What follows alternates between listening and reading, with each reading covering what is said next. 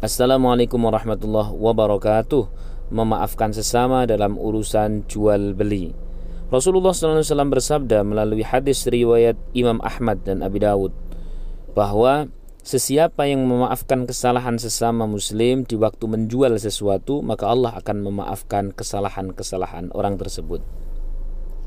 Saudara-saudara rahimakumullah, kisah kali ini kita akan kisahkan tentang perilaku salafus soleh dalam adab jual beli. Satu ketika ada seorang yang soleh, beliau membeli uh, madu atau lebih tepatnya kulakan. Kulakan madu dari pedagang uh, pedag dari petani-petani madu dari petani-petani madu.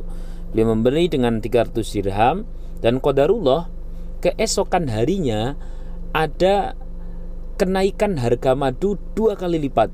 Nah, ya entah itu karena uh, terjadi ya pokoknya semacam apa ya kejadian ekonomi lah begitulah ya. Kemarin baru saja membeli murah tiba-tiba hari ini ada pengumuman kenaikan harga madu. Maka singkat cerita kemudian petani-petani tersebut berbisik-bisik eh kau kemarin menjual madu pada si fulan itu ya? Iya harganya berapa? Sekian. Sekarang tahu ndak? Sekarang sudah melonjak harganya. Waduh kalau begitu kita rugi kalau begitu alhasil kemudian berbondong-bondong Hmm, petani-petani madu itu mendatangi seorang pedagang yang solih, seorang pedagang yang faham ilmu, bukan hanya ilmu dagang saja, tapi ilmu tentang akhirat, ilmu tentang bagaimana mencari ridho Allah saat berdagang. Datang setelah orang solih tersebut usai sholat, ya didatangi para petani-petani. Wahai syekh, Aku tahu bahwa engkau ini guru di tempat ini dan engkau sekaligus pengusaha.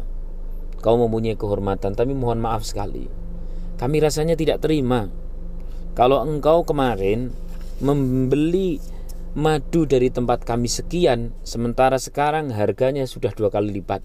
Gimana lah kau uh, bertoleransi kepada kami, kau memberikan kebijaksanaan untuk kami, apakah kau memberikan imbalan untuk kami sekian atau bagaimana silahkan.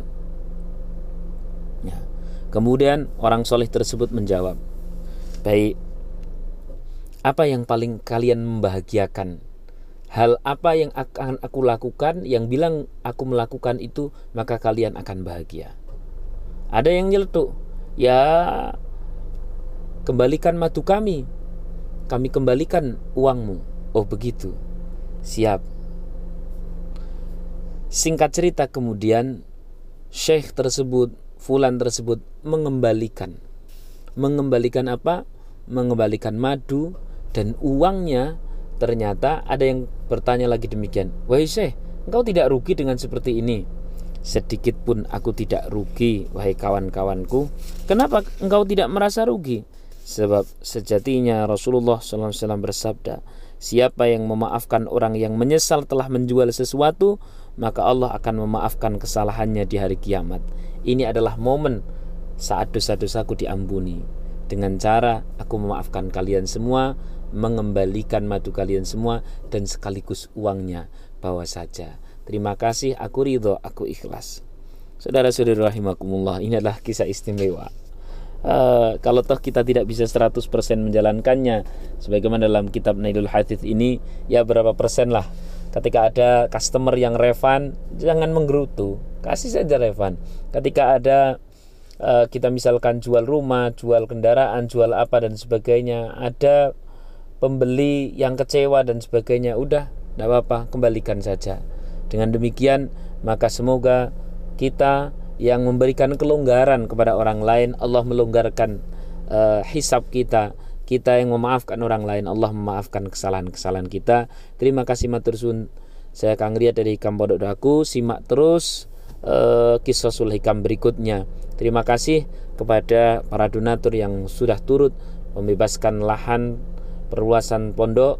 Semoga Allah Subhanahu wa taala meluaskan rezeki saudara-saudari semuanya Bila taufiq wal hidayah. Wassalamualaikum warahmatullahi wabarakatuh.